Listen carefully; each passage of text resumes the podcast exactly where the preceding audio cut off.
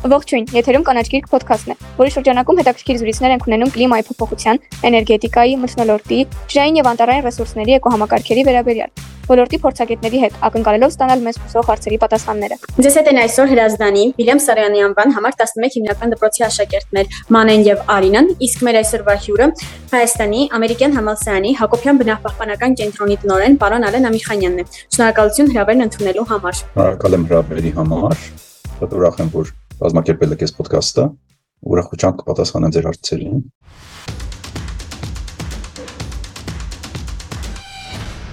Առաջին հարցը. Ինչ է նշանակում կանաչ գործարք եւ ինչու է այն կանաչ։ Եվրոհամայնքը մի մոտավորապես 3-4 տարի առաջ կազմակերպեց մի մեծ sense փաթեթ ծրագրների եւ մոտեցումներ եւ ռազմավարություն, որը անդրադառնում էր այն հարցին, որ ինչ ձև ենք մենք կարողանալու մեր տնտեսությունը Եվրոպայի մասն է խոսքը, բայց ընդհանրացվում նաև տարածաշրջանում եւ գլոբալ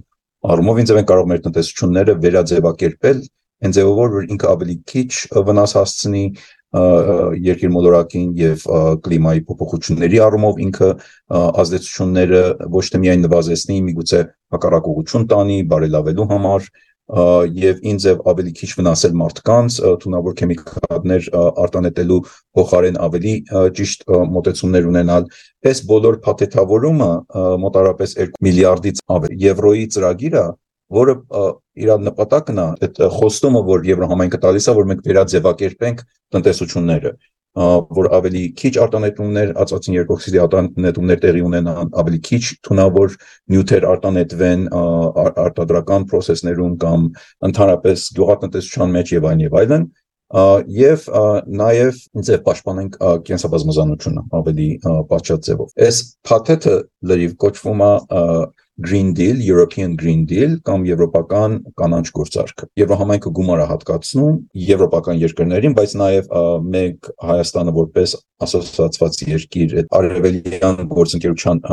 սահմաններում մենք հարևանների հարևանչան արևելյան հարևանչան partnership, Eastern Partnership ծրագրի սահմաններում կամ իրանց քաղաքական նպատակի սահմաններում մենք փորձում ենք մենք նաև հասանելի է մեզ այդ բոլոր ծրագրերը մեծ մասը ծրագրերի դա նշանակում է հետազոտական աշխատանքներ են կարող անել ներդրումներ են կարող անել որ մեր տնտեսությունը դեպի ավելի կանանչ ուղի տանենք մեր գյուղատնտեսությունը մեր արդյունաբերությունը տրանսպորտի ոլորտը եւ օթի արտանետումներից նվազեցնելուց բռնած մինչեւ ջրի մեջ արտանետումներ աղտոտիչներից եւ այն սնուցիչներից որը վնաս են հասցնում ջրային համակարգին նման ուղղություններով այդ կանաչ գործարքը Եվրոհամայնքի օգնում է երկրներին, իր անդամ երկրներին եւ նաեւ արևելյան հարևանության այդ գործընկերներին։ Ինչ սեկտորներ են ներառված։ Կանաչ գործարքի մեջ կա տրանսպորտ, շինարարություն, գյուղատնտեսություն, արդյունաբերության տարբեր ոլորտները, որտեղ արտանետումները, ածածին երկօքսիդի եւ այլ թունավոր քեմիկալների արտանետումները այդ ոլորտներում հատկապես արդյունաբերական ոլորտում էական խնդիր են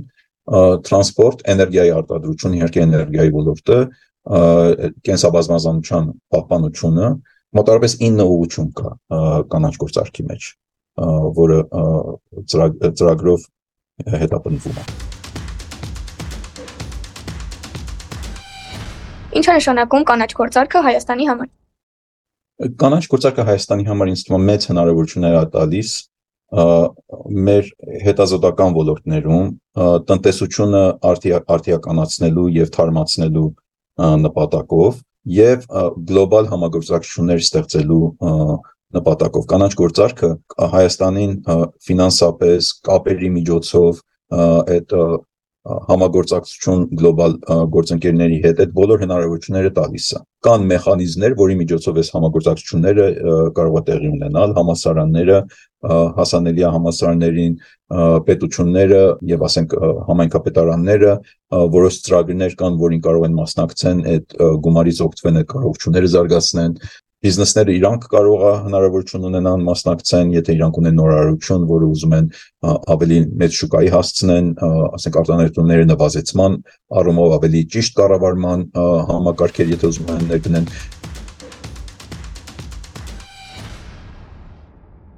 Մարդիկ, հայ քաղաքացիները ինչպես կարող են օգտվել կանաչ գործարքից։ իրանք կարող են օգտվել արդյունքներից։ Օրինակ, եթե ասենք կանաչ գործարքի սահմաններում պետությունը կամ ասենք բիզնեսները էկո պիտակավորման համակարգ են ստեղծում, դա եթե ինքը իհարկե պատշաճ ձևով արվում, ազնիվ ձևով արվում եւ ինքը չի փորձում սխալ ձևով մարքետ անել մի մի ասենք գույք կամ ծառայություն, որ ինքը իրոք կանաչ չի, բայց եթե ինքը կարող այդ պիտակավորումը ստանա, դա արդեն քաղաքացին ավելի տեղեկություն ունենում, որ գույքը կամ որ ապրանքը կամ որ ծառայությունը ավելի ճիշտ կլինի ինքը օգտվի, որ շրջակա միջավայրին ավելի քիչ վնաս հասցնի կամ միգուցե նաև բարելավի շրջակա միջավայրը։ Այդ առումով քաղաքացիները կարող են օգուտ ստանալ այն համակարգից, որը կանանչ գործարքը ստեղծում է։ Եվ իհարկե քաղաքացիներ իրանք նաև իրանք աշխատատերի, իրանք ունեցած բիզնեսների կամ այնտեղ որ աշխատում են այդ կազմակերպությունների միջոցով նաև օգուտներ կարող են ստանալ։ Բայց սա պահանջում է, որ մենք այդ բոլոր process-ներին մասնակցենք։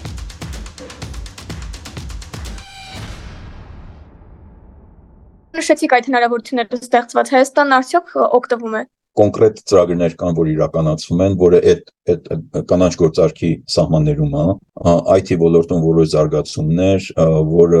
կանաչ գործարքի մասնակազմում, էներգետիկայի ոլորտում, ջրային համակարգի կառավարման ոլորտում եւ այլն, այնտեղ նաև Եվրոհամայնքից օժանդակություն եւ միջազգային կազմակերպություններից օժանդակություն կա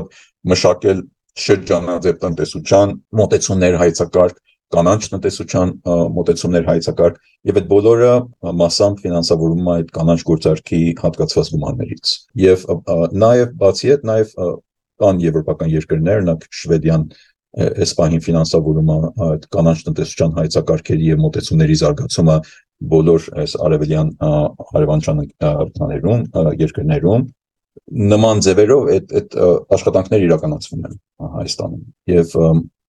կարող ենք համարել օրինակ EU for Sevan ծրագիրը այդ կանանչ գործարքի արտացոլումներից մեկն է որը Սևանի շուրջ ծրագիր է իրականացվում որ ինձ ջուրի որակը բարելավել Սևանի եւ Սևանը ինքը ավելի առողջ համակարգ դառնա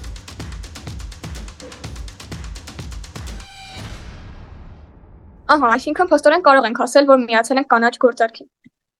Այո, ես կարծում եմ կարող ենք ասել, որ մենք մաս ենք կազմում։ Ինչքան գիտակից ենք դրա, այդ այդ վստահ չեմ շատ, այդպես գիտակցում ենք, որ մաս ենք կազմում, բայց այո, իհարկե, արդեն ճիշտ է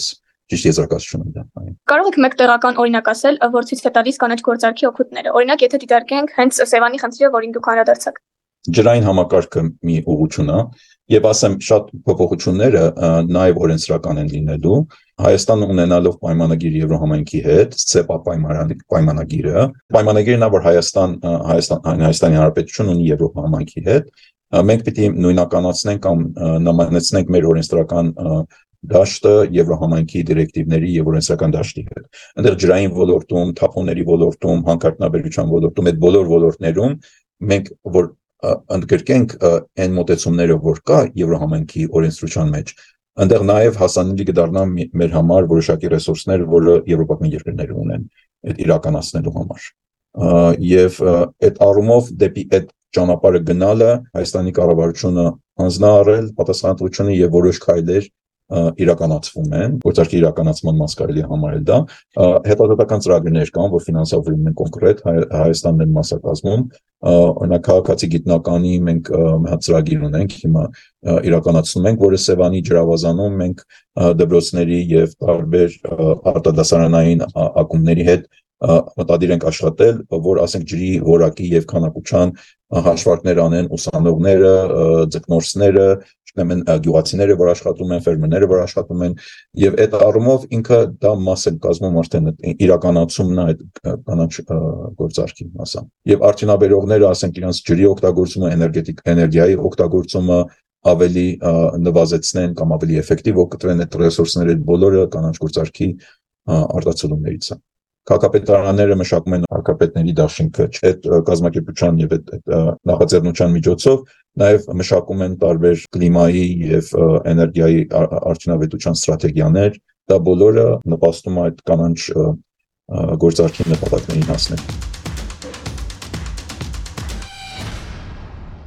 օրենքը կարևոր է, բայց այդպիսի կանաչ գործարքներ ամեն տարի կարող են առաջանալ իրենց պահանջներով։ Ինչ կասեք այդ ուղղությամբ։ Խնդիրը այնա որ կանաչ գործարքը բոլորը հասկանում են, որ այս որոշակի բնապահպանական Եվրոհամայնքը գոնե հասկանում է բնապահպանական եւ մեծ երկրները հասկանում են այդ բնապահպանական ճգնաժամը, որ մենք հիմա առնչվում ենք, դա հետևանքն է զարգացման, ասա մարդու զարգացման, որ ինքը ունի իր դրական կողմերը, բայց այդ զարգացումն էլ հատկապես տեղի ունեցել որոշակի երկրներում, որ հիմա հարուստ են իրանք այսինքն իրանց հարստությունը մասամբ շրջակա միջավայրին գլոբալ բոլոր բնակիչներին տարբեր երկրներում վնաս հասցրել եւ շարունակելու հասնել։ Այդ այդ առումով իրանք պատրաստ են գումար են հատկացնում, որ Հայաստանի նման երկրներ կարողանան իրանց համակարգը բարելավեն, իրանց մոտեցումները բարելավեն, այն սխալները, որ այլ երկրները նարի միգուցե չկրկնեն, եւ մեղմացման միջոցներ ընդունեն եւ այլն։ Այդ առումով կանաչ գործարքը այդ հնարավորությունները տալիս է Հայաստանի նման երկրին, որ ինքը մասնակցի այդ process-ներին եւ ֆինանսավորումը, եթե ոչ 100%, մեծ մասը հայտարարվում է Եվրոհամայնքի կողմից, բայց դե, դա մնում է մեզ արդեն, որ ինձ խելամիտ օգտվենք այդ ռեսուրսները։ Արդյոք արդյունավետ օգտվենք թե թե ոչ։ Նաև կուզենայի ասել, չգիտեմ տեղյակ եք, մենք այս աշնանը նոր ծրագիր ենք բակալավրի սկսում, կոչվում է ինքը շրջակա միջավայրի եւ կայունության գիտությունների բակալավր։ Մենք արդեն 60 դիմորդ ունենք այս ծրագրին։ Մոտավորապես 20-25 հոգին կընդունենք ծրագրին վերջնական ախնապուլերն անցնում։ Հույս ունենք ժամանակի ընթացքին սա կհասնի մոտավորապես 30-40 ուսանողի տարեկան։ Եվ այս առումով մենք լիքը կարողություններ կստեղծենք արդեն երկրում որ դեպի այս ուղղություններ զարգացումներ իրականացնենք։ Դե իսկ մենք հիշեցնենք, որ մեր հյուրն էր Հայաստանի ամերիկյան համալսարանի Հակոբյան բնապահպանական կենտրոնի տնօրեն պարոն Ալեն Ամիրխանյանը։ Պարոն Ամիրխանյան, շատ շնորհակալ ենք եւս մեկ անգամ հետաքրքիր զրույցի համար։ Համոզված ենք, որ ոչ միայն մենք, այլև մեր ընկերները շատ նոր բաներ բացահայտեցին այս հաղորդման շրջանակում։ Եթերում է կանաչ գիրք ոդքասթը։ Մենք հասանելի ենք գրեթե բոլոր հարթակներում, այնպես որ բաժանորդագրվեք ոդքասթին նոր հաղորդումները բաց չթողնելու համար։ Իսկ մենք կհանդիպենք շատ շուտով։